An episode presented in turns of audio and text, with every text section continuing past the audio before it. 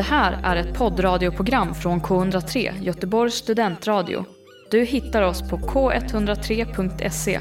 Av upphovsrättsliga skäl är musiken förkortad.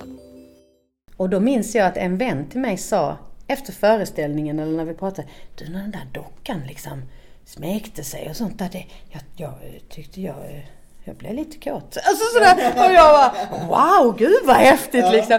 Och så började jag tänka lite mer på det liksom. Jaha, hur ska man kunna gestalta någonting på ett sätt som kan vara, för det första, inte pinsamt att titta på.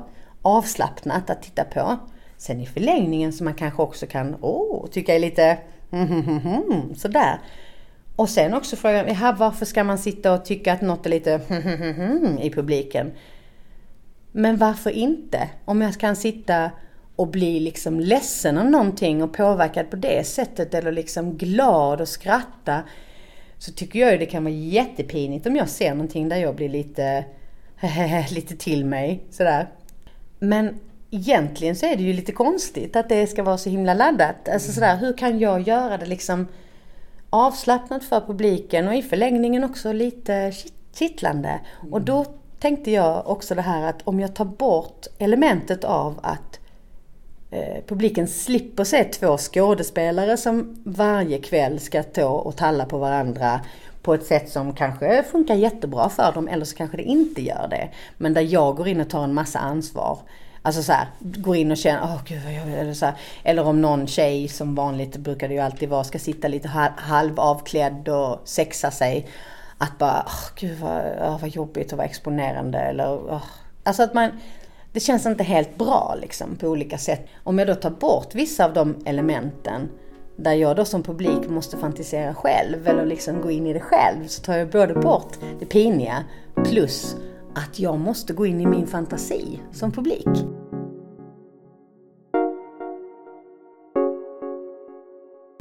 Välkommen till podcasten Äkta känner äkta.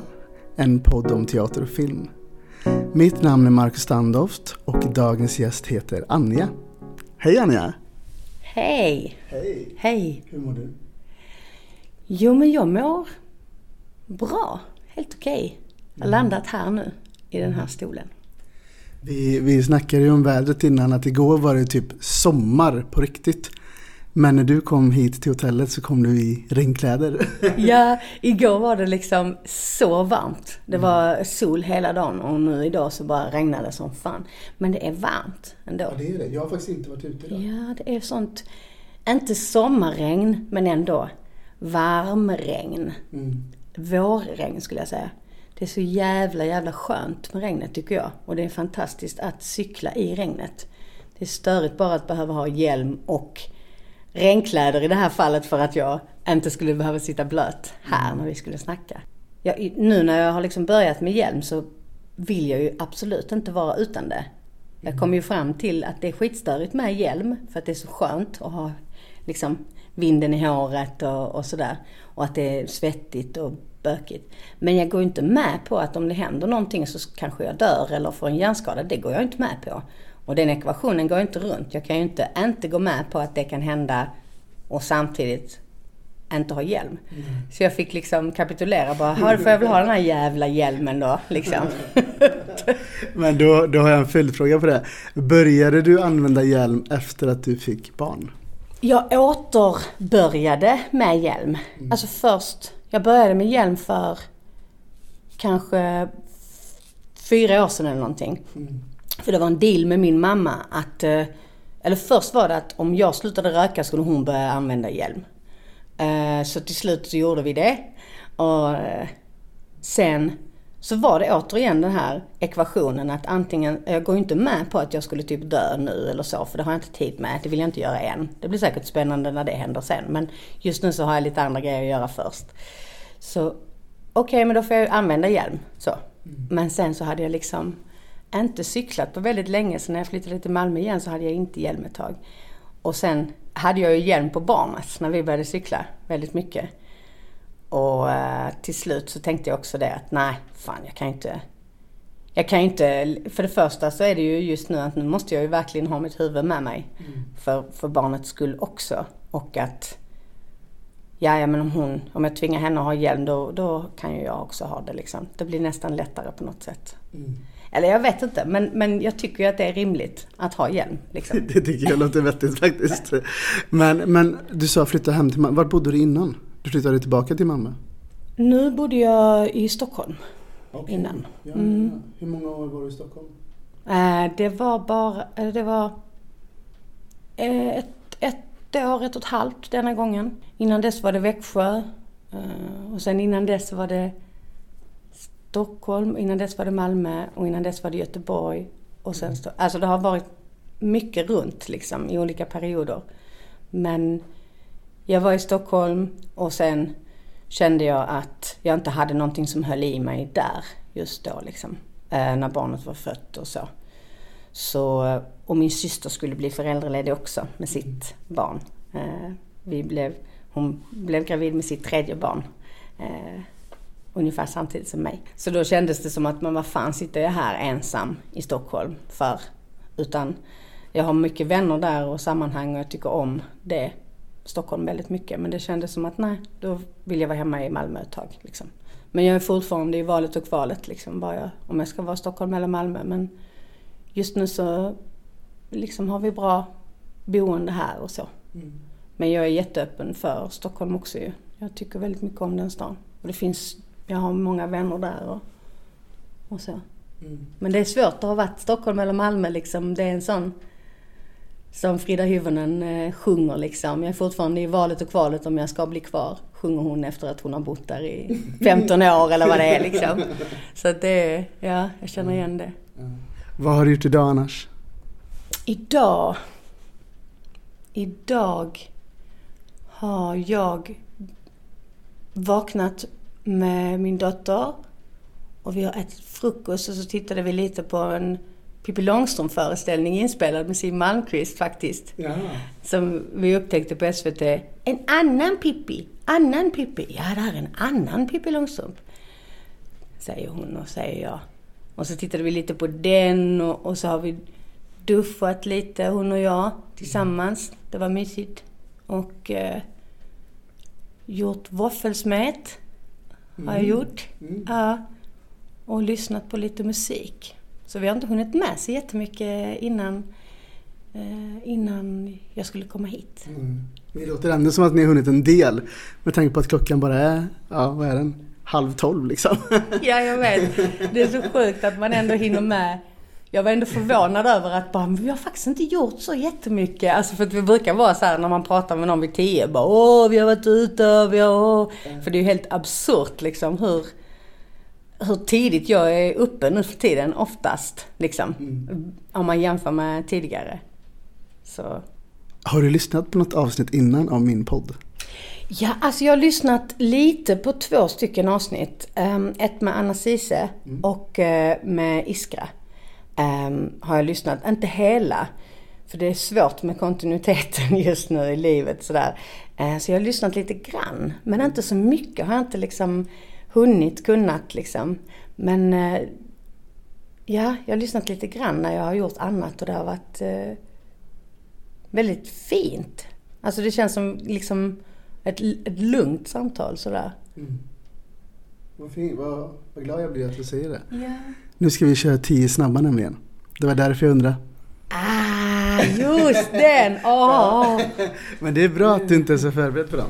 Mm, Men vi kör tänker jag. vi kör.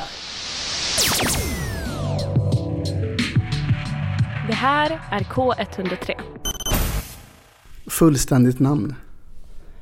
Karin Anja Kristina Lek Paulsson. Vad, vad vet du om dina namn brukar min följdfråga bli. Alltså vet du faktiskt, alltså bara för några dagar sedan nu så sa min brorsa Ja, vi har, jag har brutit den här traditionen med att alla av pappas barn heter någonting på CH. Jag bara, jag heter ingenting på CH. Du heter väl? Han bara, ja, men jag heter Kristoffer. Jag bara, ja ja. Alltså det har jag väl hört att han heter ibland. Men det också. Men jag bara, har inte reflekterat. Så bara Kristel, min stora syster. Malin, alltså Charlotte heter hon. Ja, jag heter väl inte... Jo, Kristina. Hon, det stavar de med CH. Jaha, okej. Ja, Då fick jag reda på det. Att det var en sån tradition min, för min pappa. Jag bara, jaha, jag hade ingen aning. Mm. Så eh, det, det kommer jag att tänka på nu när du säger det. Att det var ju roligt att jag inte visste, visste det. Men nej, och Karin, nej jag vet faktiskt inte. Anja heter min, eh, en av mina kusiner heter det andra namn också. Kanske var därifrån de fick det, mamma och pappa. Mm. Jag är lite nyfiken på lek. Det har jag tagit själv. Jag anade detta. Mm. Ja, mm. Berätta om du vill. Ja. Skatteverket sa nej när jag ansökte om det för några år sedan. Men jag ska ansöka om det igen. Men för mig har det varit någon... Eh, alltså jag har väl inte reflekterat så mycket över det annat än att jag eh, tycker att lek och leken är en stor grej för mig. Liksom. Och att jag har kallat mig för, alltså när jag har DJat läkare och sånt där. Um, för att jag tror så mycket på lekens, alltså det, jag har återkommit så mycket till lek och lekande och leka eh, i mitt liv liksom till hela det begreppet vad det är och sådär. Och att det, det, det, känns så mycket som, som jag. Och då kände jag att det, det gjorde mig lite, lite stark att ha med det när jag liksom presenterar mig eller när jag eh, skriver under ett brev eller liksom när jag Ja, att det är en, en liten bit av mig mm. som jag också kände eh, eh, stärkte mig på något sätt att ha med i mitt namn. Så. Fint. Ja. Ålder? Vad fan är, är jag? 40 tror jag. Ja, 40. Ibland googlar jag mig själv för att jag ska kolla. Men jag hade ju 40 år. Ja, 40 är jag. Mm -hmm. Hur känns det för dig att vara 40? Det känns bra. Det är inte så stor skillnad från att vara 38 eller 27, tänker jag. Eller så, för mig är det inte så jättebetydelsefullt just. Jag brukar mer tänka lite på hur det känns att skriva siffrorna. 4-0. Lite tråkiga siffror att skriva. 3-8 roligare, lite snirkligare. Nollan är lite, nej, eh, lite tradig. Eh, 42 kommer ju bli roligt också för att det är den svaret på universum, livets gåtor i eh, den här boken.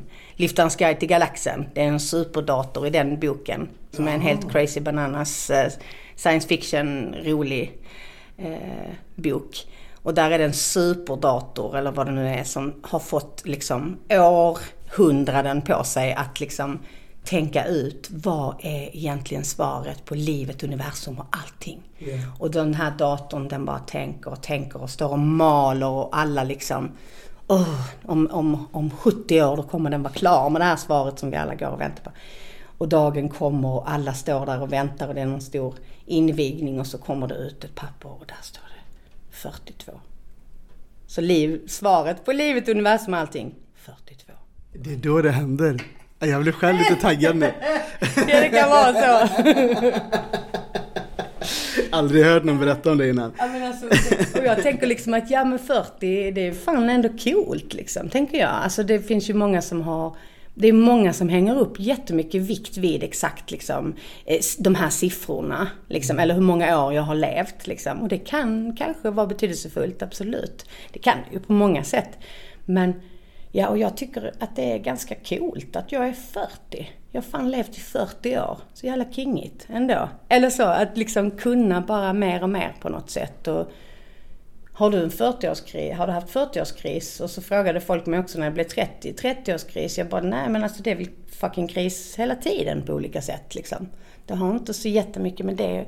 Jag har inte riktigt hängt upp det på det. Mm. Att det har varit något specifikt för ett visst årtal. Sen finns det ju andra skitstöriga grejer med fertilitet och sånt där skit som är bara åh, liksom, som är avhängigt av tiden, mm. sådär ju, av mm. åldern. Där, jag, där man ju vet att vid en viss ålder så är man inte fertil längre och sådär. Sånt kan ju stressa mig. Men det har ju egentligen inte så mycket med själva siffrorna att göra utan det handlar ju om liksom den inre cykeln liksom i kroppen. Sådär. Just det. Mm. Vart gick senaste resan? Alltså senaste resan i Sverige eller utanför Sverige? Du bestämmer helt själv. Ah, senaste resan. Som är värd att nämna. Tänk så. Ja men senaste resan var, åkte upp till ett ställe utanför Bengtsfors som heter Skåpafors. För min bror och familjen har flyttat dit. Så jävla random. Eh, och jag har ingen anknytning där överhuvudtaget och inte de heller. Men min, min, eh, min brors, min brors tjej fick eh, jobb där. Så då flyttade de dit utanför Bengtsfors. Vart exakt ligger Bengtsfors? Det ligger, alltså det ligger ovanför Göteborg. Okej. Alltså typ två timmar ifrån Göteborg. Eller innanför Göteborg. Alltså man tänker, In i landet liksom. ja, det heter, vad fan heter det landskapet nu? För när jag sa att jag skulle dit så var alla helt så, åh, Dalsland. Ja, Dalsland är det nog. Dalsland, är så fint. Ehm, och det var, jätte, det var jättefint. Så vi åkte upp dit, jag och lilla. Det var senaste sån resan-resan kan man säga. Och senaste utomlands var Warszawa för några månader sedan. Vad, vad gjorde du i Warszawa?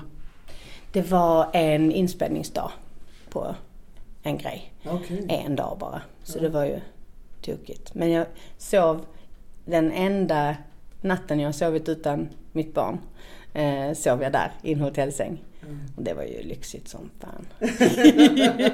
Jag tänker bara lyxigt att bara åka utomlands och filma liksom. Ja men alltså jag vet. Ja, också Oavsett helt... om det är bara en dag. Ja, gud. Alltså, men också helt absurt att liksom flyga ner någon en dag. Alltså rent alltså, ekonomiskt och eh, liksom eh, miljömässigt tänker jag. Bara fy fan vad kass. Men jag tackar ju inte nej till det då. För att jag, jag vill jobba och jag vill ha jobb och, och det var ju jättetrevligt. Men, men det kan ju, man, jag kan ju ändå ifrågasätta det. Mm. Sådär. Får du säga vad det var du spelade in? Uh, alltså jag vet faktiskt inte om jag får säga det Nej. riktigt. Det har inte kommit ut liksom. Nej, det har inte kommit Nej. ut än. Det, och det är en sån pytteliten roll i en, en eh, serie. Så, bara. Som inte ens hade ett namn, så jag får hitta på ett namn själv. Fortsättning följer med andra ord. då. Eh, vilken film såg du senast? Film. Blir det mycket barnfilmer nu? Det har det alltid varit. Samma här. Mm. Ja. Ja. Ja, alltså vissa av mina favoritfilmer är ju filmer som är för både barn och vuxna. Liksom. Um, den senaste hela filmen var nog uppe hos min bror så såg vi den här musikalen Annie Mhm. från jättelänge sedan. Annars så tittar vi mycket på eh, serier hemma, alltså mm, avsnitt. Och sen är jag ju sån som tittar jättemycket på dokumentärer. Mhm. Så. Mm. Så det är mest det jag har tittat på på senaste. Men, men berätta om den senaste dokumentären du såg då. Den senaste dokumentären jag såg nu kan jag bara komma ihåg, jag har lyssnat på massa podddokumentärer de senaste dagarna. Eh, och den senaste jag lyssnade på nu var en om eh, när Telia börsnoterades på, i början på 2000-talet. Att det var eh, liksom, att det var sån megaflopp. Så det, det kan jag eh, tycka om att lyssna på. Vetenskapsdokumentärer och eh, morddokumentärer och sådana här med stora affärer som har eh, gått i stöpet. Eller bedragare liksom. Det kan jag tycka är ganska, jag vet inte, lite härligt att lyssna på på något sätt. Och lite snaskigt. Jag, jag lyssnar ju jättemycket på så här krim och morddokumentärer men jag får fan sluta med det alltså för att jag får så mycket mardrömmar. Så att Ja. det, Alltså jag får också limitera, jag har fått eh, rensa ut i det där liksom. Att bara liksom, från att ha lyssnat nästan bara på det liksom Samma här, till alltså. att, ja, ja. till att liksom bli mer restriktiv. Men vet, jag kan sätta på en podd, en mord, alltså eh, podd och somna till det. Det är helt galet ju. Liksom. Det är inte Ja men det brukar jag också göra, alltså verkligen. Och alltså du vet, att, ja men verkligen, och så vaknar man upp liksom mitt i något sånt där eh, huvudet eh, låg, hade blivit lite upplöst och man bara, men alltså gud, alltså Anja vad håller du på med liksom? Du vet, det är som att jag också, jag har kuttat ut. Jag lyssnade på någon häromdagen där jag var skitintressant bakom motivet och sånt. Ja. Eh, Men där jag också bara såhär, nej vet fan, jag, jag, jag spolar förbi det här nu där de här poliserna upptäcker de här döda och sånt. Så det gjorde jag faktiskt i, häromdagen. Alltså att jag hoppade över den, mm. den liksom eh, snaskiga biten där. Utan mer bara varför det hände och hur liksom de mm. luskade i det efteråt. För det är ju mm. egentligen det jag tycker är det intressanta. Ja, eller hur. Eller hur. Ja, mm. verkligen. Eh, favoritklädesplagg? Mm, varma inneskor. Ah. Innetofflor. Mm. Innetofflor? Mm -hmm. ah. För jag fryser alltid om fötterna är svinkall. Eh, men jag är jättevarm um, resten av kroppen. Mm. Så att jag vill ha sådana där kasta på mig och kasta av mig innetollor. Liksom. Mm. Jag är ju tvärtom, jag går alltid barfota hemma. Och har alltid fönstret öppet oavsett om det är vinter och sover med fönstren öppna. Och... Det är ju det bästa. Jag är så ja. jävla varm. Mitt optimala skulle ju varit liksom inne, såna här varma innetollor som jag kan kasta av mig och naken. Ja. Liksom. Det är det bästa. Eller strumpor och naken. That sexy combination. Exakt. Mm. uh, hur ser en optimal helg ut för just dig? Jag vet inte. Alltså en optimal helg. Inom rimlighetens gränser eller utanför den? Nej men eh, som är rimligt tänker jag. Ja. Som din helg faktiskt kan se ut. Mm. Om du får bestämma. Okej, okay, ja men en optimal helg skulle i så fall vara att, att inte ha så mycket bestämt, tidsbestämt. Mm. Eh, men ändå kunna sammanstråla med familj och vänner på något sätt på kvällen eller eftermiddagen. Eh, att kunna vara ute. Och eh, en optimal helg att ha haft en natt med relativt god sömn. Så att jag är liksom mm, lite utvilad i alla fall. Gud vad, vad, vad knasigt det blir att liksom jämföra på något sätt med där jag är just nu, där det är liksom hand i hand med eh, liksom så jävla bra och fint liksom som jag har det med mitt barn och liksom hur vi har det hand i hand med det liksom den extrema utmattningen av två och ett halvt års sömnbrist och eh, liksom konstant eh, tidsmedvetenhet liksom som, som känns eh, skitstörig ofta. Liksom. Att hela tiden ha koll på klockan i förhållande till hämta och lämna på förskola och sånt där. Liksom. Mm. Men så att en optimal helg nu skulle väl vara just när det är de stunderna eller de dagarna då jag känner att vi kan släppa tiden, att jag kan släppa tiden lite. Som igår var vi ute och, eh, på kvällen och var på Möllevångstorget eh, ganska länge. Eh, Lena fick eh, matade fåglarna med några gobbar som satt där och eh, sprang runt lite grann och vi tog en glass och sånt. Sen lekte vi zigzag ett tag och ja men sådär att kunna liksom chilla med det och sen bara okej okay, men vi behöver verkligen ta oss hem snart för det börjar bli sent liksom. Men att kunna släppa tiden som jag känner att jag eh, har blivit så eh, att jag hela tiden måste ha koll på tiden eller klockan eller telefonen liksom och sånt där. I förhållande till att om jag kan släppa om jag kan slappna av jättemycket hemma själv när barnet är på förskolan till exempel så måste jag ändå sätta larmet på att, att eh, när jag ska sticka och hämta och blubb blubb och sådär. Och det är ju en naturlig del men, men jag kan sakna lite grann det här att liksom bara släppa helt på något sätt. Mm i vissa stunder. Eh, och det, det, det, känns väldigt skönt när det finns sådana helger där, där jag kan där jag och barnet kan vara med varandra och andra och släppa tiden och bara liksom vara i det som är. Liksom så. Det, vi hade det lite så igår faktiskt och det var väldigt, väldigt, väldigt skönt. Det var välbehövligt. Mm. Så. det var så himla fint väder så jag bara, ja nu skit i de här massa måstena och massa tvätt som var inne i lägenhet och sånt. Fuck det, vi går ut bara. Så var vi ute liksom jättemycket. Det är jävla skönt. Ja, fan vad härligt. Paradrätt? Oj. Jag kommer ihåg. Alltså bra vet jag inte men jag tycker det är jävligt, jävligt roligt att laga mat.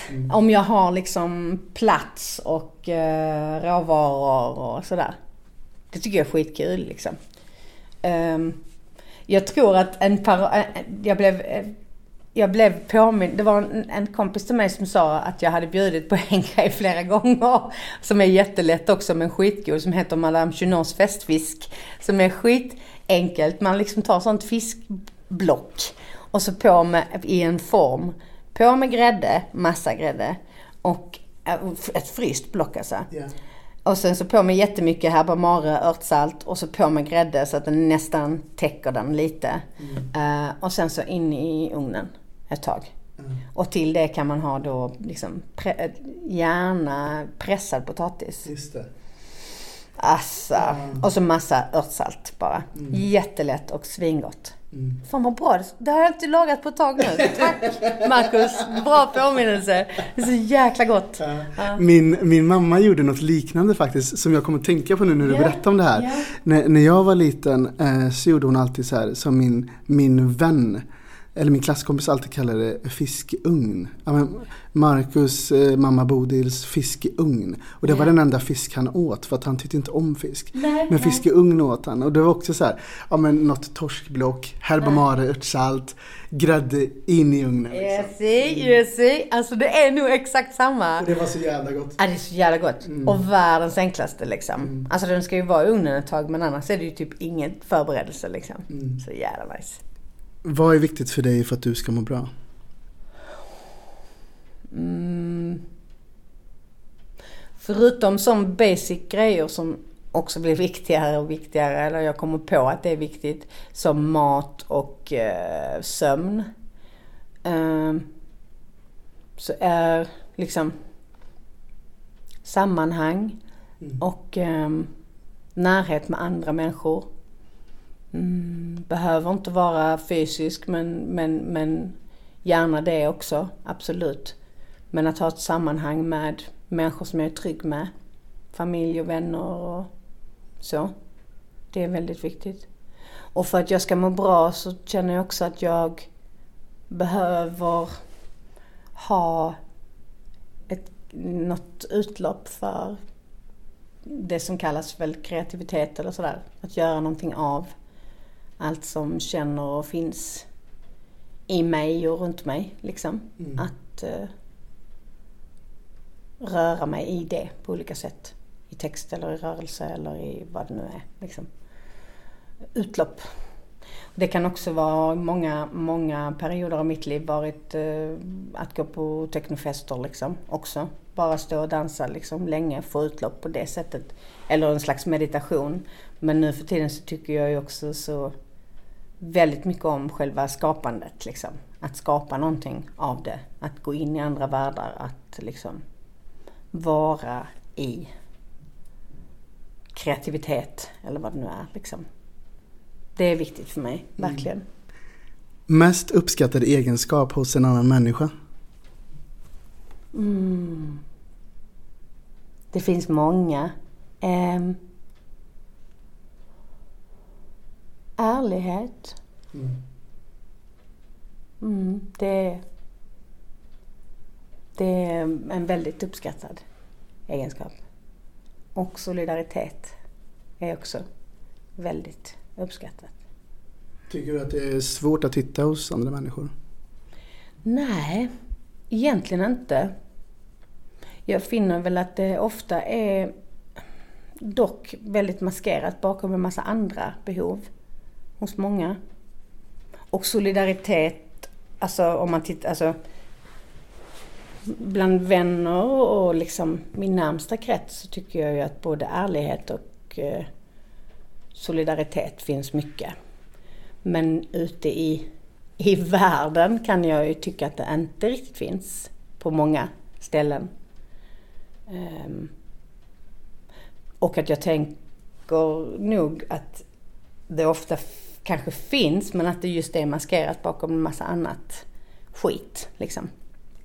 Som folk tror att de behöver göra eller tror, tror att de vill, vilket de ju kanske då vill. Men och olika beroenden och sådär. Girighet och så vidare liksom. Som jag tror är en beroendesjukdom. Absolut. Um, och ja, att man tror att det inte finns eller att man inte ser andra och sådär. Eller att man tror att man pratar på det sättet att man säger en sak men menar en annan och sånt där. Vuxna håller ju på med en massa sånt där skit, tycker jag. Sista nu. Vad vill du tipsa om? Vad som helst. Åh, oh, gud, det finns mycket. Jag vill tipsa om, ja, cykla i regnet med musik i öronen. Till exempel. Mycket härligt tips. Det gör ingenting om man blir blöt. Det är också en sån gullig grej med vuxna som ju smittar sig på många barn. Att de bara Aha! När det kommer lite regndroppar. Och man blir sjuk och man blir... Ja, liksom. Bara, och sen så kan det ju vara vissa som tycker det kan vara att för vissas hår kanske blir liksom knasigt eller att man ska någonstans, när, alltså vill inte vara blöt liksom och sånt där. Men att det är liksom också sån det är gulligt att det är sån automatisk reaktion för många att man bara tar upp en tidning över ansiktet eller huvudet eller vad det nu mm. är liksom sådär direkt. Som att det vore pesten liksom. Ja, ja men verkligen.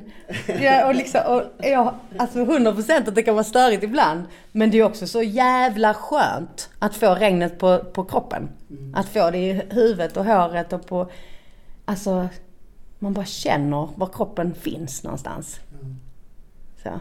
Det tipset ska jag ta till mig faktiskt. För jag tycker om att cykla jättemycket. Mm. Eh, och har en fin cykel och sådär. Men jag stannar alltid hemma och inne liksom. Så fort jag ser att det regnar. Eller att det kommer regn. Ja.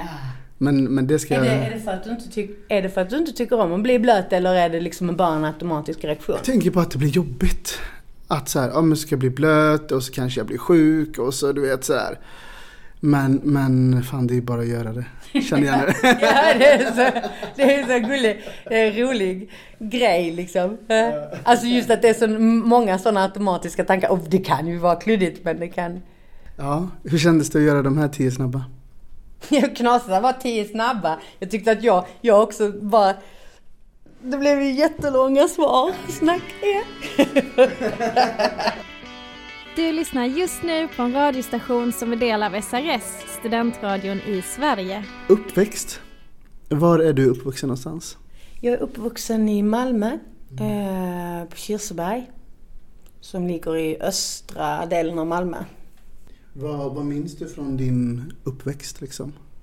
Mm, mycket, såklart.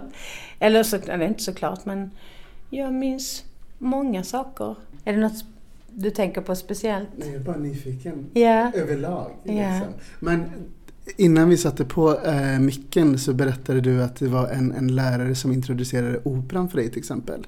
Yeah. När, när fann du ditt intresse för teater? Jo men, jag tror att det kan ha gjort när jag var liten så var ju jag, eller jag och min syster är ju väldigt nära, min eh, lilla syster. Vi har ju liksom det har ju varit hon och jag väldigt mycket under vår uppväxt. Hon är väl typ tre år yngre än mig eller något sånt där. Mm. Um, och så det har varit hon och jag väldigt mycket. Och min storebror också. Och min stora syster. Men mycket, mycket hon och jag. För att vi var nära i åldrarna och sådär.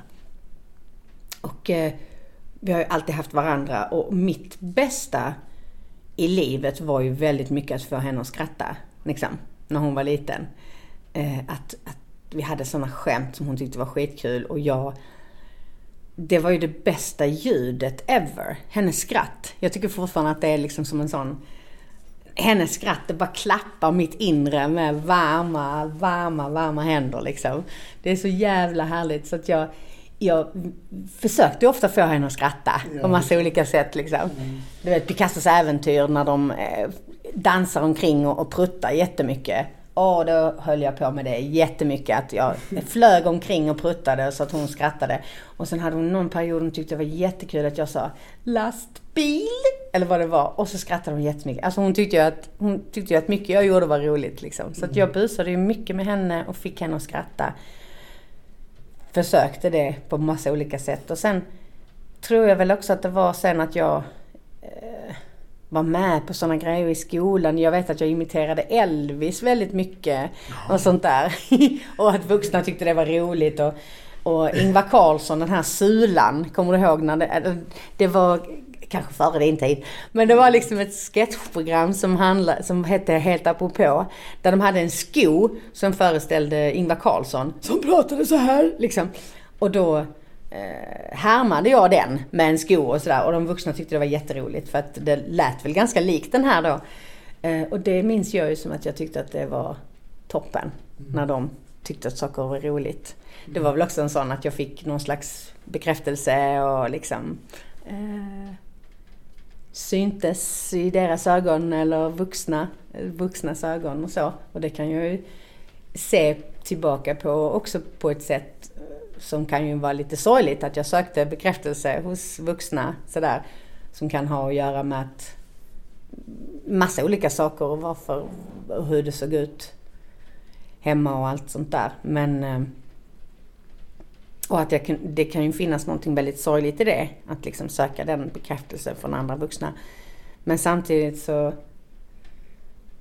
ser jag ju också det där fina i ett barn som leker och lekte och jag hade en eh, vän vars mamma i klassen var clown. Clownen Vivica.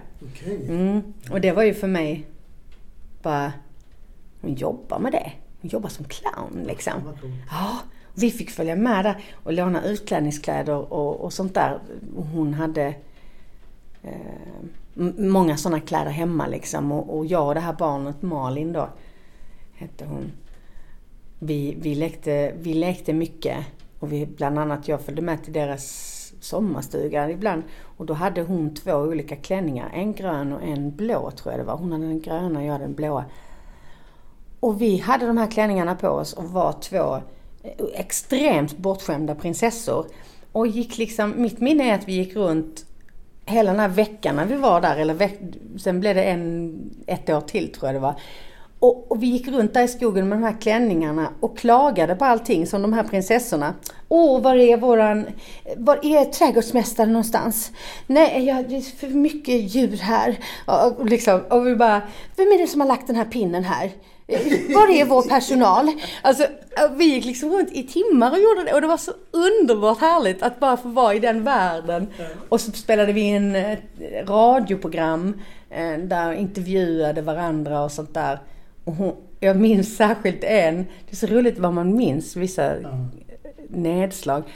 Men jag tror det var, jag intervjuade henne, välkommen till Radio Electrolux. Eh, och så intervjuade jag henne och bara sådär, ja nu har vi kungen på besök här. Välkommen kungen! Och hon bara, ja goddag. Och så, så var det precis då det var EU, eller EG hette det då. Så bara, ja men hur påverkar det dig kungen med det här EU?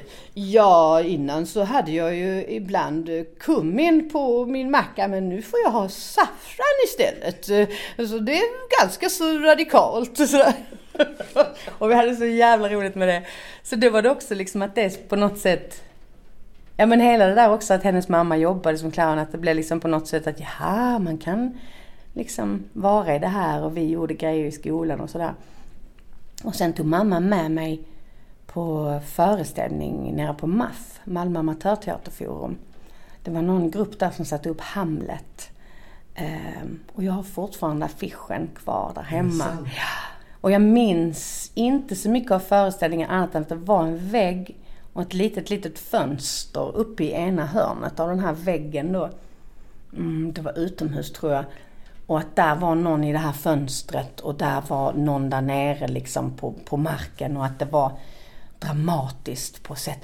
Och att när vi kom hem sen, jag tror att det var dagen efter och sånt, så satte jag upp en föreställning i vardagsrummet med, med min lilla syster där hon satt utklädd till en gammal dam med ett stort hucklöver över huvudet längst bak och vaggade så här och jag satte på på skiva, någon klassisk musik och kastade mig dramatiskt runt i rummet mot väggarna i liksom en massa olika känslor för att jag var så jävla inspirerad liksom.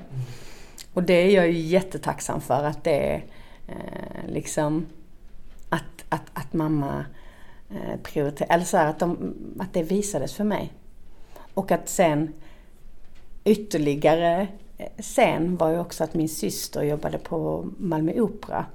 Um, okay. Som påkläderska. Hon jobbade fortfarande i huset eh, inom samma avdelning, personalchef där eller så. Och då fick ju vi fribiljetter dit ibland till genrep och sånt där. Och det var ju också en helt magisk värld. Jag minns det så väl, hela det huset. Man kom in där och den här, det, var en, det är ju en gigantisk, det var ju gigantiskt då, den är inte lika gigantisk längre men den är ändå stor. En staty precis när man kommer in i guld av Talia som väl är äh, teaterns gudinna. Mm. En lång klänning. Så man liksom gick in, jag gick in där och sträckte upp handen och kände på den här guldklänningen som var helt hård. Och den var så vacker och hon hade liksom eld i blicken på något sätt den här. Och så kunde man gå upp för de här enormt stora trapporna upp till salongen om man skulle sitta där uppe. Och, och allt det där att liksom få en, en, se hela den världen var ju liksom väldigt magiskt och att man kunde tydligen hålla på med sånt. Mm. När hade du klurat ut liksom att det här vill jag ha som yrke? Som yrke, det vet jag inte. Alltså jag ville, att jag ville göra det visste jag. Alltså när jag skulle börja gymnasiet så, så förstod jag, så fanns det ett teatergymnasium. Eller en teaterlinje. Och då, här i Malmö, här i Malmö ja, på Heleneholmsskolan. Mm. Estetisk teater. Jag bara, mm, fuck alltså jag ska det, det vill jag göra. Men sen var det också så att jag hade IG i matte eller vad det var. Sådär. Som gjorde att jag var inte behörig. Vilket ju är helt sjukt i huvudet. Alltså att det fortfarande är så att får man IG i något av de ämnena som är de grundämnena, vad det nu är, matte, svenska. Så stängs dörren liksom? Ja, för hela fucking gymnasiet. Det är ju helt sjukt. Mm. Ska man behöva Ska man behöva få det på sig då? Ja. Liksom? När man är, vad är man, typ 15? Ja, alltså jag kan inte uttrycka hur, hur förskräckligt jag tycker att det är liksom. Och hur tacksam jag är att de hade en liten, liten kvot. För då skulle jag antingen gå på det här, eh, vad det nu hette, något program där man kunde lösa upp sina just grejer, det, du vet sånt där. Eller ingenting, eller... Eh, och så fanns det liksom att man kunde komma in på betyg på den här linjen. Eh, och det hade ju inte jag då heller. Eller så fanns det en liten som var fri kvot. Att man var där och spelade upp någonting eller sådär. Ja, ehm. som ett intagningsprov liksom? Ja, typ. Mm. Vilket ju kanske egentligen är konstigt eftersom att man är så ung. Men, men att man ändå liksom, vet inte vad de kollade på liksom. Men att man gjorde någonting, jobbade lite där liksom. Och då gjorde jag det och så kom jag in där, eller så fick, fick gå där. Mm. Och det var ju liksom en sån jävla räddning att jag fick, eller räddning. Jag tror inte att jag överhuvudtaget hade gjort klart gymnasiet om jag inte hade gått där. För att det var ju de praktiska ämnena som höll i mig. Liksom. Mm. Det var det som var bra och underbart och fint och, och, och, och, givande på massa olika sätt. Och att jag fick vänner där liksom, som också var intresserade av teater och dans och liksom musik och sådär. Att jag fick skapa mig själv där. Det var ju helt fantastiskt. Mm. Men de praktiska ämnena var ju fortfarande jättesvåra på massa olika sätt. Så jag är jätteglad att jag fick det. Och då fick jag ju syssla mer med, vi satte upp föreställningar och jag fick smaka på liksom versmått och eh, ja, jag fick min första liksom fling av kärlek till, till eh, att spela på vers till exempel. Och versmått över, överlag. Jag tycker det är så jävla fett. Um, så, och, det, och sen så ville jag ju jättegärna efter det komma in på teaterhögskola eller så. För då kände jag att det här, fan. Jag vill jättegärna fortsätta jobba med det här om det går. Liksom. Men sen tog det ju ett bra tag innan jag kunde, kunde göra det då. Men jag ville det direkt efter gymnasiet alltså. Mm. Det ville jag. Hur många gånger sökte du innan du kom in på scenskolan? Um, ehm, 18 eller 19 gånger, mm. tror jag. Mm. Mm. Sökte du alla liksom eller? Jag har sökt alla, har jag gjort. Och sen har det varit lite, i början sökte jag nog bara Malmö några gånger och sådär. Och sen har jag sökt lite, lite här och där och så. Och sen de sista åren innan jag kom in så sökte jag ju alla liksom sådär. Mm. Alltså kan du själv sätta ord på vad det var som hände den gången du kom in liksom? Alltså jag tror att Jag tror att en grej var att jag jobbade jättemycket med mig själv i den perioden med att också släppa taget om saker jag inte kan förändra. Sådär. Och sen också att jag hade lagt upp en plan som sträckte sig längre än ett prov i taget. Mm. Jag hade satt upp för mig själv något år tidigare för jag bara, jag kan inte fortsätta söka om det så att jag varenda gång jag får ett nej eh, liksom ifrågasätter om jag överhuvudtaget ska göra det här, ska jag få, alltså så här, um, jag, jag, gjorde upp en plan att jag tänkte att ja, jag, jag ska göra det här, sökningarna till alla skolor i tre år till. Och sen efter det ska jag fatta ett nytt beslut om jag ska liksom släppa det här och, och liksom gå vidare på något annat. Inte det att jag liksom inte gjorde någonting annat under de här tre åren för att det, är ju, det kan man ju inte göra. Alltså herregud, jag måste ju ha en, jag måste ju ha en inkomst och sådär. Men att jag liksom ändå, jag ska fortsätta söka i tre år till. Mm. Utan att ifrågasätta om jag ska göra det eller inte. Mm. Och att då varenda gång jag fick ett nej, eller när det inte blev efter att åka ut, så kunde jag få vara liksom ledsen och besviken och förjävligt i, och frustrerad och arg i ett litet tag och sen nästa liksom. Så att jag inte hela tiden bara fucking gräver ner mig liksom. Mm. Vilket gjorde att jag också kunde ha fokus på nästa igen sen, om det inte gick. Um, vilket gjorde att jag kunde slappna av mer. Kände jag. Mm. Att jag inte hela tiden, att det inte blev lika laddat. Att kommer jag inte in den här gången så får inte jag syssla med teater. Alltså du vet så här, utan bara nu om jag inte kommer in här detta året eller den här skolan då ska jag ändå, jag ska ju ändå till Spanien nu eller vad det nu var jag skulle liksom. Eller så här, jag jobbar där eller. Uh, och sen så fattade jag nytt beslut efter de här tre åren. Sen såklart så kommer ju alla de tankarna men att jag ändå försökte hålla mig vid det beslutet. Och det gjorde att jag kunde slappna av på ett annat sätt tror jag. Mm. Och sen, sen var det väl också att ha sökt många gånger så att jag hade liksom blivit lite mer bekväm i situationen kanske. Och det skulle vara då, jag vet inte. Mm. Mm. Ja, jag är nog uppe på 15 eller 16 gånger nu tror jag. Mm, bra där, bra där. Det här är K103, Göteborgs studentradio. Följ oss på Facebook eller Instagram. Vi hörs! Men Anja, eh, mm. du är utbildad via Scenskolan i Göteborg, Högskolan för scen och musik. Mm. Eh, vad minns du som var positivt samt negativt med utbildningen? Positivt.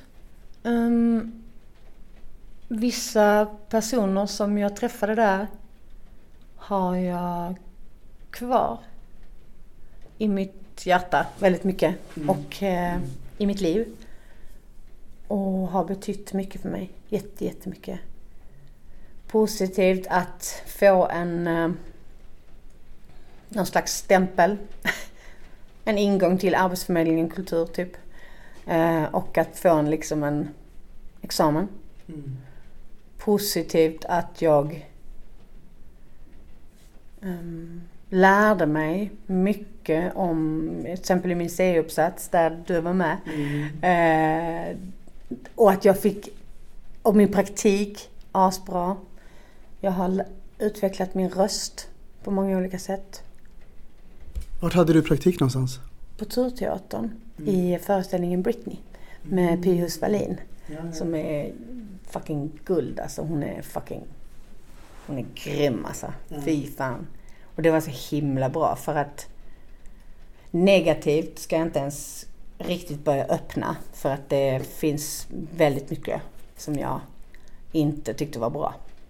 Um, så jag ska inte riktigt gå in där för det är liksom en sån stor flod, känns det som. Mm, det behöver du inte. Nej, ja, men det är också eh, liksom just att det finns, det var, det fanns jättemycket individuella lärare som var jättebra. Um, men det var jättemycket som inte alls blev bra för oss elever. För mig. Mm. Uh, på många olika sätt. Där jag upplever att det kunde ha skötts på ett annat sätt. Verkligen och att det fanns stora brister. Men när jag kom ut på praktiken så fick jag också känslan av att det hade varit så jävla mycket innan dess. Bara, åh branschen så hemskt och oh, akta dig för den. Och här ska man, måste man vara på ett visst sätt och allt vad det nu var. Man måste ha en liksom ett skatt, F-skattesedel och bolag. Alltså du vet allt ifrån sånt till liksom mm. sådär. Man måste ha ett nollläge när man går upp på scenen. Liksom sådär. Med sån spökröst. typ, och man bara ja okej. Okay. Typ. Du ska drivas av rädsla. Man bara okej. Okay. Och så kommer man liksom ut och bara oh, typ sådär. På den här praktiken då. Och så bara var det asball. Det var så jävla ball och det var så mycket roligare än allting vi hade gjort på skolan. Och du vet bara lekte och bara eh, fittade oss. Alltså du vet vi bara höll på så. Och skapade så in i helvete och det blev så jävla bra och det var rätt in i hjärtat liksom genom, genom skojs, genom lek, genom dans, genom vulgaritet, genom 100% allvar, genom liksom allt det där. Genom exakt var man var och exakt och utan skam. Liksom. Mm. Och det var så jävla skönt att få vara i det. Just det, det här liksom. Lusten. Mm. Lusten och hungern. Det är ju det liksom. Så det var jättekul. Sen kunde man ju hitta till det i skolan också ibland. Absolut. Med varandra och på olika sätt. Men eh, det var så himla härligt att få vara just i den föreställningen med Py som regisserade och mina medspelare där och på Turteatern där. För att det var jättefint, kände jag. Mm. Mm. mm. Gud vad fint. Mm. Eh, du nämnde ju det här innan. För det var väl sista året du hade din C-uppsats eller? Mm, mm. Vi hade träffats några gånger innan. Och ja, jag... för jag undrade också det nu innan här. Jag bara, vad fan, vad var det vi hade träffats innan? Nej. Tänkte jag. Och jag tror att det var typ... För jag minns att vi var på golvet och vi var några stycken och du ledde någon typ av workshop. Ja, för jag, jag, jag hade ju några frågeställningar i min C-uppsats och så ville jag jättegärna jobba med andra skådespelare. Ja. Och sen efterlyste jag det lite grann. Då nappade du. Ja. Jag vet inte om det var så att att du kände någon av mina vänner som hade sagt, eller vad det nu var. Men skitsamma, jag, jag efterlyste ju skådespelare i alla ja. fall. Ja, precis. Att jobba med. Ja, mm. exakt. Eh, och då, du skulle gestalta en scen framför din klass eh, och dina lärare. Och jag nappade på det här. Eh, vi ska lyssna lite från det ljudklippet. Åh oh, nej, åh oh, nej vad pinigt! Åh oh, gud vad pinigt! nej, har du kvar det? Ja, Var har du fått det ifrån? Från dig. Från mig? Ja, då kanske jag också har det någonstans. Mm. Du tycker om att känna min tunga mot din hals? Mm. Mm. Det gör jag. Kan du inte testa här en gång?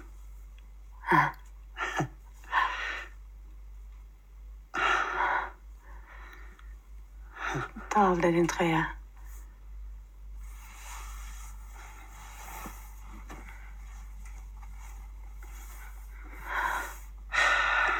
Så. Mm.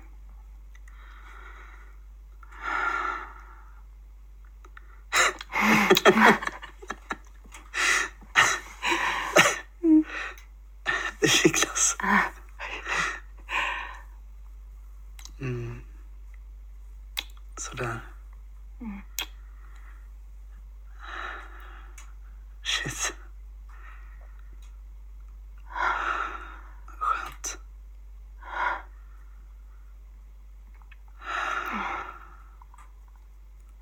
Du ska titta på mig nu. Jag tar av mig den här.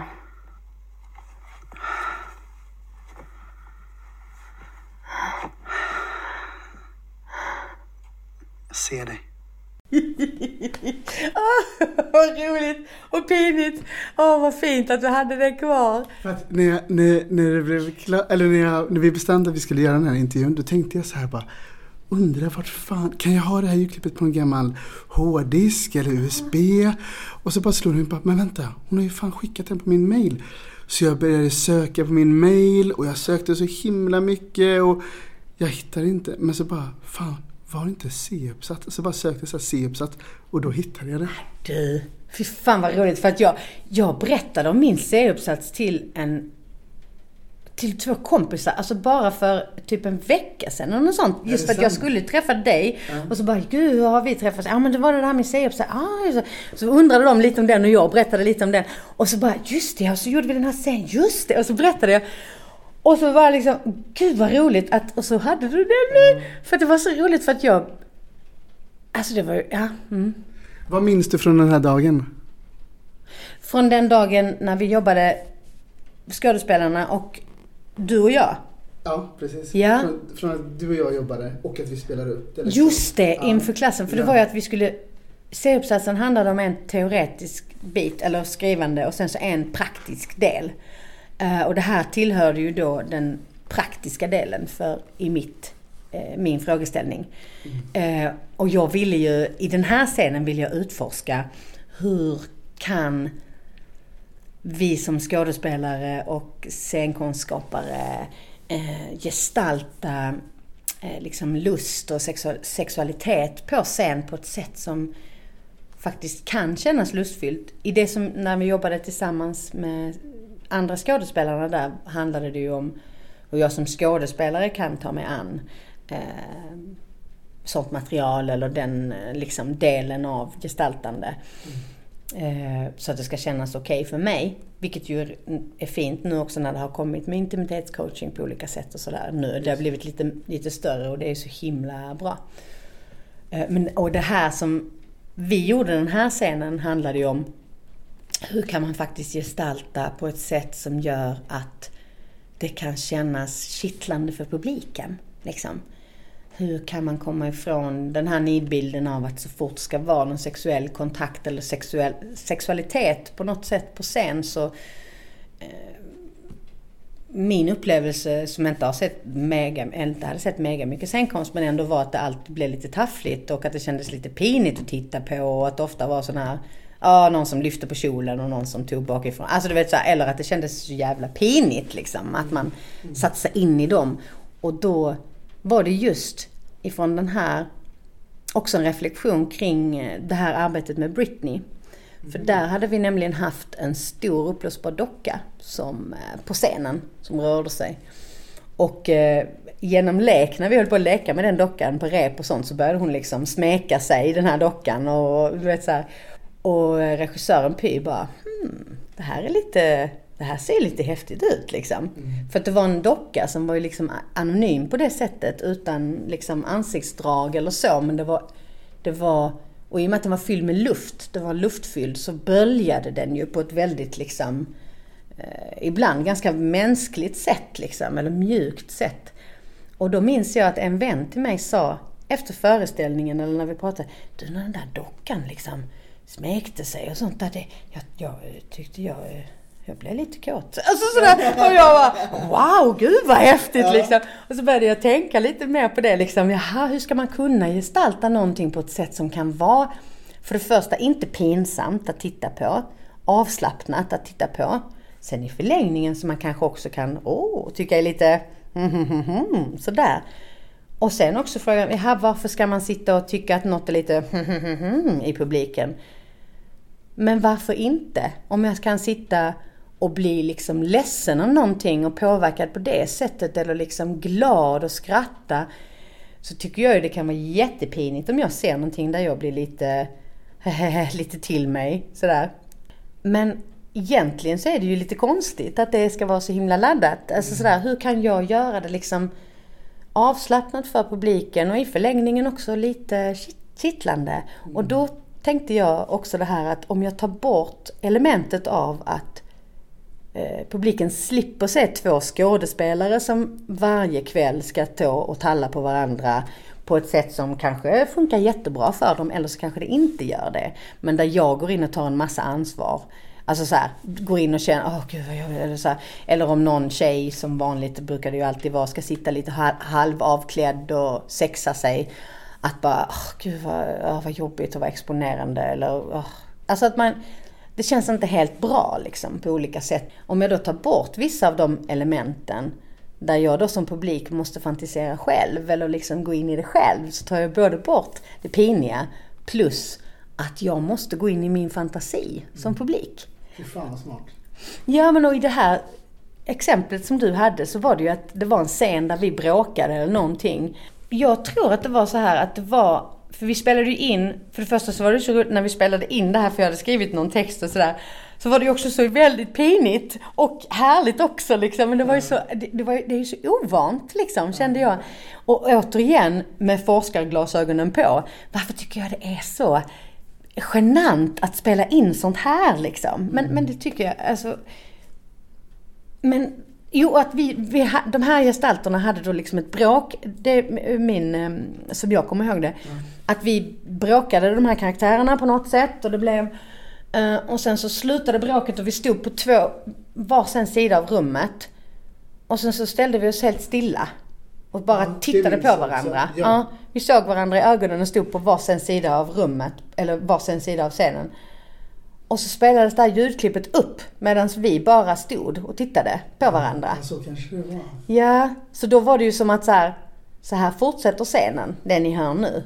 Men du och jag stod, alltså skådespelarna, du och jag stod bara och såg varandra i ögonen helt neutrala. Helt neutrala mm. sådär. Vilket gjorde att liksom de fick tänka sig in i det själva eller vad de nu gjorde liksom. Men jag minns det som som att det var väldigt spännande att höra också deras reaktioner och sånt där efteråt. Mm. Och att... Ja, det tyckte jag med. Ja, det var ju det. Ja.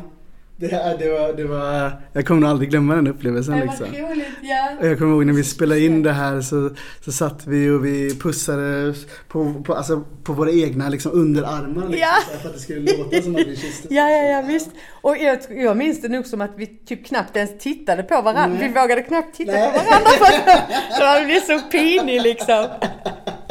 Men det är ju så underbart och jag är så tacksam och var så tacksam också då och fortfarande att du vågade gå in i det liksom. Och med nyfikenhet och med eh, liksom, ja för du, vi kände ju inte varandra och allt det där. För det är ju, jag tycker att det är väldigt spännande hela den grejen att jag, jag har liksom, att gestalta och sånt som är liksom intimitet på olika sätt eh, är ju, har ju såklart en stor aspekt av att vi är så jävla många som har haft både fantastiska upplevelser med intimitet och eh, saker, liksom övergrepp och allt, allt möjligt. Många gånger när det inte har känts bra på massa olika sätt. Och också inom liksom våran bransch eller som skådespelare att det förväntas en jävla massa att man ska bara kasta sig in i sådana situationer. På beställning som, liksom. På beställning liksom. Mm. Så här. Uh, vilket ju också blir så jävla kontraproduktivt för att då blir det ju bara ännu svårare för att vi har tvingats någon gång eller upplevt att vi har tvingats eller inte velat vara bråkiga eller inte och så vidare. Och jag har nu också tänkt att liksom sådana saker som intima scener eller så, ah, ja men det, det är sånt som ska, på film då specifikt, att det ska bara vara på feeling och och man liksom, om man gör stakar ut det för mycket från början, då blir det ju ingen känsla i det. Och så bara, men alltså hallå, kan jag inte ta vanliga scenerier och samtidigt lägga på känslorna? Alltså vad, eller som stunt, eh, stunt eh, saker, ett slagsmål. Vadå, kan jag inte ha ett koreograferat slagsmål utan att och samtidigt kunna lägga på mina känslor? Mm. Men det är ju spännande hur jag tycker att så fort eller min upplevelse när jag ska gestalta sånt, nu har det väl blivit lite annorlunda, men är ju ofta att det blir så personligt. Mm. Alltså att jag är rädd att den andra ska tro att jag är, jag är inte kåt på dig på riktigt eller jag är inte kär i dig på riktigt eller sådär. Bara, men, nej, men varför ska jag behöva ha det behovet av att säga det? Eller att jag, ska, jag är rädd för att den andra ska tycka att jag har gjort något som jag inte borde. Oj, gick jag över gränsen? Alltså att det är så mycket outtalat på något sätt som blir så Eh, så tokigt liksom. Och att också det finns en skam i att visa vissa grejer liksom jättemycket och att gestalta vissa grejer jättemycket liksom såklart. Och att allt, allt med att, att vara en sexuell varelse på olika sätt eh, eller att ha liksom lust kan vara så eh, problematiserat eller så liksom skambelagt på olika sätt. Att det känns som en jätteintressant utmaning att också befria sig lite från de sakerna. Och jag, jag tänker ibland att allt hänger ihop mycket med det här att vara vuxen och vuxenskapet och hur man då ska vara som vuxen och som kvinna eller som, som man eller som liksom vad man identifierar sig som. Och, som mamma eller liksom att det är så himla mycket om att skala av och ta bort eller inte låta för mycket, inte vara för mycket och mm. inte om du är på gymmet så ska du, du ska inte liksom överhuvudtaget andas så att du hörs typ. Och sånt där. Man bara, men vad fan snackar Alltså vet man ser så tjejer som tränar som bara Alltså så här, visst om det är din naturliga andning när du springer, kör. Men jag menar, någon som mig som oh, oh, låter så här. Då är det ju det kan ju vara jättepinigt. Eller så här, att man liksom hela tiden bara ska skala av sådana grejer. Mm. Och att det är så jävla skönt att få jobba med att bara släppa. Och i arbetet med andra skådespelare också sånt här att släppa ut kroppen, vad kroppen vill och ljud som ska komma och sådär. Fy fan vad det sitter långt inne för många. Att det liksom, ah men, vad, uh, gör något ljud. Vad, vad gör ljud, din kropp för ljud nu liksom? Bara, eh, mm. Ja men okej, okay, det kanske är något mer där. Och så kanske man jobbar lite vidare och så bara kommer det liksom så jävla mycket för att alla har ju det liksom. Mm. Men vi har ju blivit så otroligt bra på att knäppa till allt det där. Det har ju jag också. Alltså jag menar jag har haft en livstid av att, inte en livstid men en väldigt lång tid av att bara stänga av. Jag har ju inte vetat hur man ska sätta på liksom. Alltså tidigare. Och att vara så bra på det, att stänga av så att jag inte ens vet hur jag ska sätta på. Och där är det ju en utmaning hela tiden att liksom vad, ehm, vad är mitt liksom naturliga? Vad, vad är det för något ljud som kommer här? Vad, vill min, vad har min kropp för impulser? Min kropp har så otroligt mycket intelligens som inte jag förstår. Och min kropp har så otroligt mycket intelligens bortom orden. Men jag är ordtorsk torsk liksom. Plus att jag har OCD och kan fastna i att jag måste hitta exakt orden. Och jag kan gå vilse där ibland. Jag älskar orden på massa olika sätt och jag vill kunna arbeta med dem och de är så vackra. Jag älskar ord. De kan liksom drabba mig så att jag gråter liksom för att de är så vackra i vissa sammansättningar. Och det ena utesluter inte det andra men att det finns också saker som är bortom orden. Och att de är lika mycket. De har bara inte tillskrivit samma uh, intelligens eller samma mm. liksom, kraft och bildning. Liksom. Utan om, om någon frågar mig hur är det? Då, då är det väl ofta att jag måste tänka på, har svårt med svaret kan det ju vara för att jag ett måste vara ärlig, två jag vill inte berätta, jag kanske inte vill, vet jag riktigt hur det är, nej det är inte, du vet allt sånt där. Men om jag skulle visa med min kropp, hur mår du? Genom om jag var trygg med någon och bara kunde visa någon rörelse, då tror jag att jag hade kunnat visa det rakt av.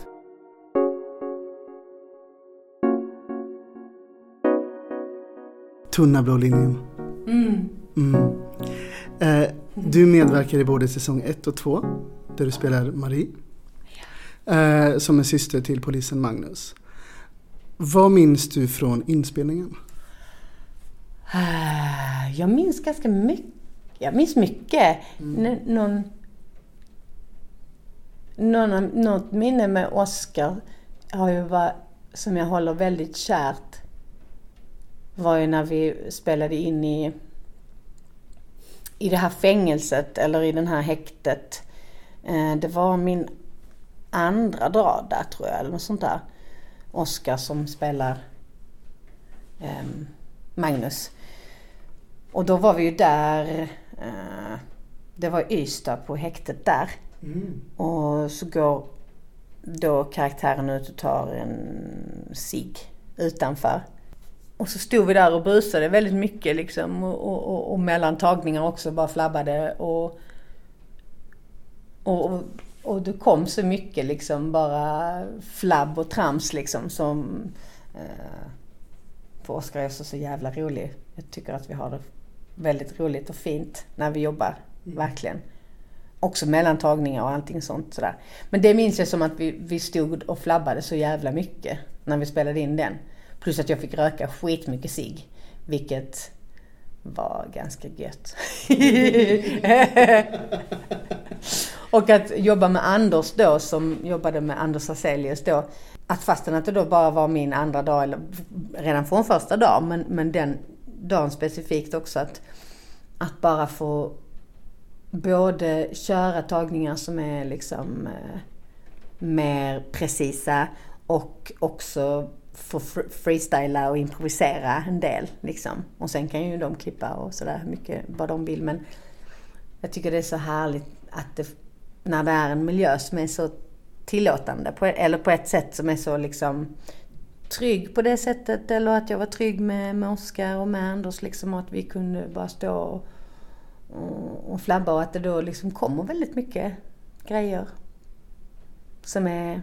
Mm, jag tycker det är så fint. När det, mm. när det, när det bara händer saker. Sådär. Så det minns jag som väldigt häftigt. Plus att det är en väldigt fin miljö där på det här gamla nedlagda häktet eller vad det nu är. Jag minns en scen eh, från säsong 1 som enligt mig är en av de finaste scenerna i hela säsong 1. Och det är eh, när Magnus kör dig till ett mm. behandlingshem. Det var min första dag, inspelningsdag. Det var så himla fint. Det var första inspelningsdagen. Och det var också jättefint för att jag hade fått den låten dagen några dagar innan. Jag minns att jag stod på den busshållplatsen. Jag vet inte varför jag åkte buss. Men jag var i Malmö och åkte buss. Den busshållplatsen som ligger utanför gamla Akvakul. Och så lyssnade jag på det här klippet då som jag hade fått av Anders på MP3. Den här. Och så försökte jag liksom, för jag skulle memorera texten i början där. Och lyssnade på den om och om igen. Så när vi sen spelade in där och sjöng tillsammans så var det också väldigt roligt. Jag låg där bak och käkade godis och kastade massa godisar fram på honom och stoppade in i öronen på honom och allt möjligt liksom. Och ville att han skulle äta godis också. Och så sjöng vi och, och hade det roligt. Och så var det också roligt för att det var flera andra i bilen också som man inte ser. som är uppklämda sådär. Eh, någon annan var det på golvet i någon tagning och sånt. Man bara, Hej! så det var, ja, men, och att det kändes så mysigt och kul liksom. Så, mm. med dem. Mm. Otroligt fin låt. Det är ju Malmö stad av familjen som spelas när ni åker där. Lamporna där över sundet är som stjärnor som blinkar i havet speglar mig i glansen av oss två tillsammans har bara varandra det har, det har ju tydligen blivit grönt ljus nu för säsong tre. Vet du någonting ja. om det? Ja, lite grann vet jag. Ja. Kommer du vara med? Men jag väntar på... Eh, på eh, det, ja, det har inte spikats någonting Nej. än. Nej. Men eh, jag hoppas. Jag har tyckt att det har varit väldigt roligt. Mm. Och jag tycker mycket om Marie. Jag tycker mycket om henne. Och jag menar, både Oscar och Amanda, alltså jag menar de är ju, som jag har fått spela lite med, mm. är ju guld liksom och Sandra och Anna och så. Det är ju jättefint. Och Anders som regissör har ju varit jättebra också. Um, så det har inte varit så många dagar jag har varit med och jobbat men det har varit väldigt fint. Och sen så är det roligt att ha hört så mycket kring hur mycket den här serien har betytt för människor. Liksom. Mm. Och hur god respons den har fått. Det tycker jag känns jättekul. Silla som skriver är ju Ja, hon har fått med så jävla mycket fina grejer som jag tycker att jag inte ser så ofta. Och liksom dualiteten i saker och ting. Alltså som för Marie till exempel, liksom, att det är inte så enkelt som att man bara är liksom någon som pundar och pajar. Eller att man bara är någon som inte pundar och pajar. Liksom. Nej, Utan att det, det kan finnas... Liksom. Nej. För det är ju sällan det med någonting i livet. Och att allt det där får finnas bredvid varandra liksom. Och den intensiva kärleken finns hand i hand med det där liksom förskräckligt eh, irriterande, smärtande liksom. Eller som i Magnus och Maries relation. De är så jävla nära och fina med varandra. Och, och, samtidigt så är de absolut inte det liksom, på många sätt. Marie beter sig som en jävla fitta alltså, jättemycket.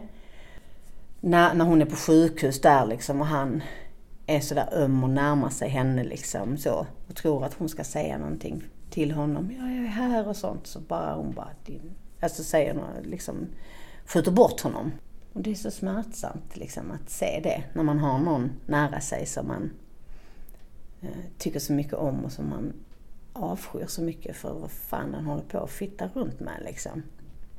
Och den maktlösheten i det. Och jag tycker jättemycket om Marie, för hon har mycket i sig. Mm. Så jag hoppas att, eh, att, att få, få, få vara med mer. Det se hoppas bara. jag med. Jag håller vänster tumme för dig. Är vänster tumme mer eh, bra? Enligt mig är det. Nu tar jag den kan jag också. behålla vänster, men, men enligt mig så håller jag alltid vänster tummen när jag vill att det ska gå bra. Nice, Mm. ja. Mm. Bra. Du ska få dra en lapp i den här burken. Så Först ska du Mm. skaka den. Alright.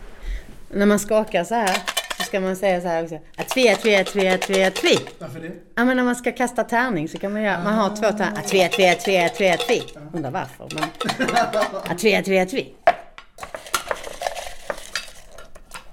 Denna. Det blev en gul lapp. Jag vet inte vad det betyder men. Det var Vad står det här? Stockholm. Ah, Aha. vad är det första du tänker på? Nu tänkte jag direkt på Tittar ut över min stad Solen går ner över Gröna Lund Frida Hyvönen, den låten som handlar också om Stockholm. ja. Stockholm, och vad roligt. Det är många känslor kring Stockholm känner jag. Mm. Mm, kärlek på många sätt och eh, irritation på många sätt.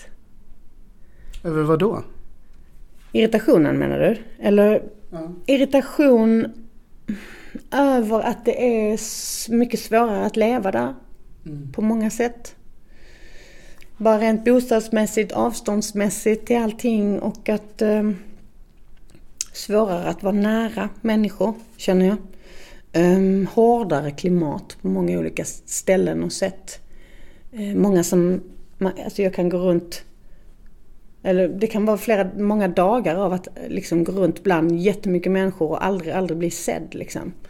Uh, jag har aldrig blivit så dåligt behandlad när jag var liksom höggravid eller sprungit runt med min, min, min bebis som i Stockholm. Liksom. Eller dåligt behandlad, det är oftast bara eh, att folk inte gör någonting. Liksom. Ingenting. Ignorerad liksom. Ignorera, Mm. fnyser åt en när man står i vägen och, och sånt där liksom. Eller, du vet den.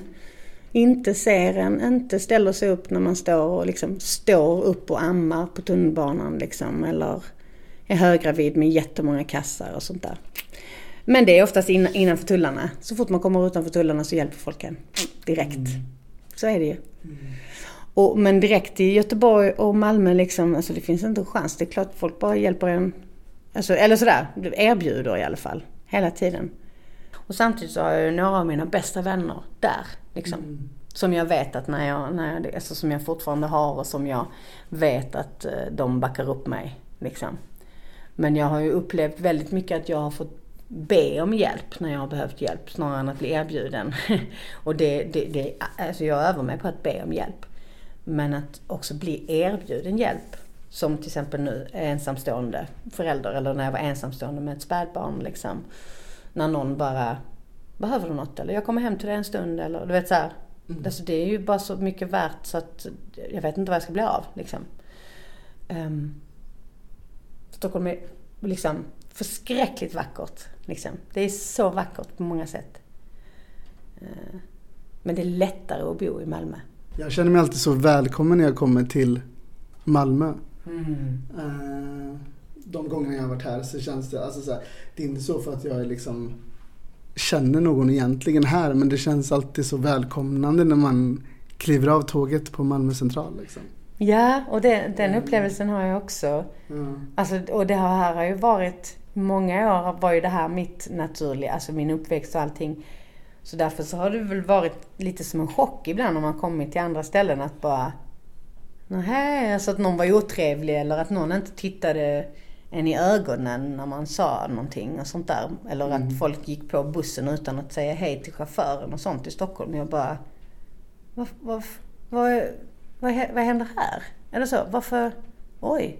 Också vänner, alltså, alltså sådär ju som, det, det är ju de vana vid på något sätt. Men att det är så, det, jag tycker det är så konstigt liksom. Eller titta folk i ögonen eller titta servicepersonal i ögonen. Mm, ja, precis. Jag har bekanta som inte ens gör det. Beställer mat på, när man är ute och sånt och inte ens tittar folk i ögonen. Jag, jag, jag tycker bara så här, oj men hallå jag tror att du, jag tror att du glömde någonting nu. Liksom. Eller? Ja, det kommer jag aldrig förstå mig på. Nej, jag tycker det är konstigt. För det blir ju ens verklighet. För även om jag förstår att man är i tunnelbanan och man har på sina hörlurar och man pallar inte ta in alla jävla människor. För det är så jävla mycket människor. Det gör ju jag också, sitter i min egen zone. Men jag känner ändå att jag jobbar för att bevara att, att faktiskt titta upp då och då. Titta upp när dörrarna öppnas så att jag ser om någon har behov av att sitta. Liksom. Titta upp så att jag ser ifall någon vill mig någonting. Alltså på något sätt än att bara he, vara helt avstängd liksom. Det är lite min, min plikt som människa, känner jag för min del i alla fall. Så att jag kan se om det är någon, någonting. Men, ja. Och, och någon gång när jag ramlade liksom i tunnel, på, alltså i trappan vid Gamla stan där så ramlade jag någon gång, alltså snubblade ner lite och sådär. Och då gick folk bara förbi mig. Jag bara, först liksom så bara oj, oh, liksom jag ramlade och sen skrattade jag till sådär och sen så bara tyckte jag att det var så himla, för folk gick vid sidan om mig, liksom runt mig sådär. Mm. Jag bara, oj, ingen liksom ger mig en hand eller ingen, nej, nej. Alltså det var ju inte värsta grejen men det var så underligt. Men det känns kallt liksom. Alltså, jag vet, yeah. det var någon gång, det var någon morgon jag var så jävla trött i Göteborg. Jag skulle till jobbet, mm. hade gått av spårvagnen och skulle gå upp för en, en lång trappa liksom. Och på något sätt så snubblade jag där mm. också och gjorde typ mm. någon form av kullerbytta liksom. Mm. Och direkt var det någon framme och bara shit gud det såg ja. helt sjukt ut. Hur mår du liksom? Hur gick det? Och jag bara ah, du vet så här, känner mig fortfarande ja. nyvaken men någon kom ändå fram. Liksom. Ja visst, alltså. så är det ju. Och det, är liksom, det känns lite som en sån klyscha liksom att såhär bara, åh det är ingen som säger... Men att också att det, det, är inte konstigt att, att man blir lite förvånad över de sakerna. För att jag, jag, jag tycker att det, det, men det kräver så jävla mycket mer energi att fortsätta titta upp när någon tilltalar dig. Även om det är någon som försöker beckna grejer på stan, alltså någon jävla försäkring eller någon försäljare eller vad som det än är. Då, jag, tycker det är, jag tycker det är så fruktansvärt störigt till, alltså, vad, håll inte på att prata Vad ska du sälja någonting till mig? Varför pratar du med mig nu? Jag, går, jag är inte intresserad. Alltså jag kan bli så otroligt provocerad. Men det är ändå min, alltså fucking plikt liksom på något sätt som människa att i alla fall titta den i ögonen och säga nej eller vad det nu är liksom. Mm. Det är, det är liksom... fortfarande en människa man pratar med liksom. Ja, mm. ja. Även om den är en, liksom, att just det den gör just då kanske är jättestörigt. Men... Mm. Och någon gång i Göteborg, på Avenyn där, när jag gick i skolan och gick där ner så var det liksom en man som brukade stå utanför systemet där. Eh, eller i närheten där. Och så började han återigen hej hej sådär mot mig. Och då gick jag bara förbi utan att titta för jag orkade inte. Och vid den, i den stunden så kände jag så här, åh nej, liksom. Vad, eh, nu, nu var det som att min bekvämlighet och min, eh, att jag inte pallade, eh, liksom min, min, min, moral, eller min, alltså, det gick över. Jag, jag, vill inte vara en sån som, som inte ens säger hej, nej. Jag, jag vill vara en som möter blickar. Jag vill inte att människor som går runt, att det kan finnas människor som går runt här och faktiskt säger på riktigt att jag kan gå runt flera dagar utan att någon ser mig. Mm. Vad gör det med en människa liksom? Mm. Det är så fruktansvärt. Det är, det är jättefruktansvärt. Mm. Så. Vad har du att se fram emot ett år framöver från idag? Under ett år eller om ett år? Alltså, Under ett år. Under ett och vad har jag att se fram emot? Mm. Massa grejer tror jag. Och massa jobbigt också säkert. Men, väl, men eh, att se fram emot, jo men det ska bli jättekul med den här föreställningen också. Uh, som ska göra i höst. Mm. Och uh, med uh, banditsagor. Och sen så hoppas jag på att få filma mer. Verkligen. Ska filma lite i sommar, ska bli skitkul. Och jag hoppas på att få göra det mer. jag har så himla mycket grejer som jag hoppas och längtar efter. Liksom. Sen vad det faktiskt blir, där har jag liksom bara några grejer som jag vet blir. Mm. Men äh, jävlar vad jag har lust och hunger liksom. Verkligen. mm. För allt möjligt liksom. Mm. Sådär. Mm. Ja. Vad ska du göra i sommar mer än jobb? Um, I sommar, jag ska förhoppningsvis operera knät. Okej. Kul, kul. Men jag ska klara det. och sen så ska jag... ehm, och jag ska bada i havet. Så mycket jag bara kan. Bada. Och jag ska... Vad har jag mer? Jag ska på ett bröllop Ah. i sommar. Det ska bli jätteroligt. Här i Malmö? Nej, i Stockholm. Mm. Med Lena också, mitt barn. Mm. Mm. Och eh, vi ska bada mycket tror jag. Hon älskar också att bada. Mm. Öresund här ute, Ribban, det är vårat hav. Anjas och Lenas hav har jag sagt till henne. Första gången som vi var där riktigt ordentligt bara gick hon rätt ut med kläderna på. Alltså hon var ju bebis då. Mm. Eh, förra våren, eller vad det var. Det var jättefint. För vi var nere och kände på det men hon ville känna ännu mer. Mm. Bara gick hon rätt ut precis som jag. Eh, Eller så. Det är alltid bra att ta ett bad. Men jag ska försöka vara närvarande i det som är. Jag ska försöka vara med vänner och familj. Mm. Och jag ska försöka att eh, dansa. Och faktiskt nu när du säger det så ska jag förs- försöka se om jag kan hinna få upp eh, mina vinylspelare så att jag kan DJa lite hemma. Aha. Ja. För det var länge sedan. Mm. Och det mår jag väldigt bra av. Så det ska jag, va? Det var roligt att jag kom att tänka på det nu Ja. när du sa så här, när, när jag tänkte lite så här bara, ah, vad vill jag göra som, jag har liksom inte tänkt på det så utan mer bara sådär bara, okej, okay, men så här och jag bör. Och sen har jag ju, jag jobbar rätt mycket med mig själv och mina liksom vad jag är och vad jag vill och vem jag vill vara på olika sätt. För jag tror att jag formar det så jävla mycket själv. Så att jag... Men just den här, lite saker som jag vill göra nu under sommaren. Som jag vill få till mellan all, alla måsten och all, allt som inte kanske är lika bara för att det är gutt. Men en sån sak som att sätta upp DJ-bordet igen och dansa. Det är ju för att det är så jävla nice. Och med de orden så säger jag att du har lyssnat på ett avsnitt av Äkta känner äkta med mig Marcus Standoft och Anja Läck Paulsson. tusen tack för din tid. Tack så jättemycket. Och för att du vill sitta här en vanlig söndag med mig. Det är klart. Det var jättefint. Tack så mycket. Tack till er som har lyssnat och vi hörs nästa gång. Ha det fint, hej då! Hej då! Du har hört en poddradioversion av ett program från K103. Alla våra program hittar du på k103.se. Följ oss gärna på Facebook eller på Instagram. Vi hörs!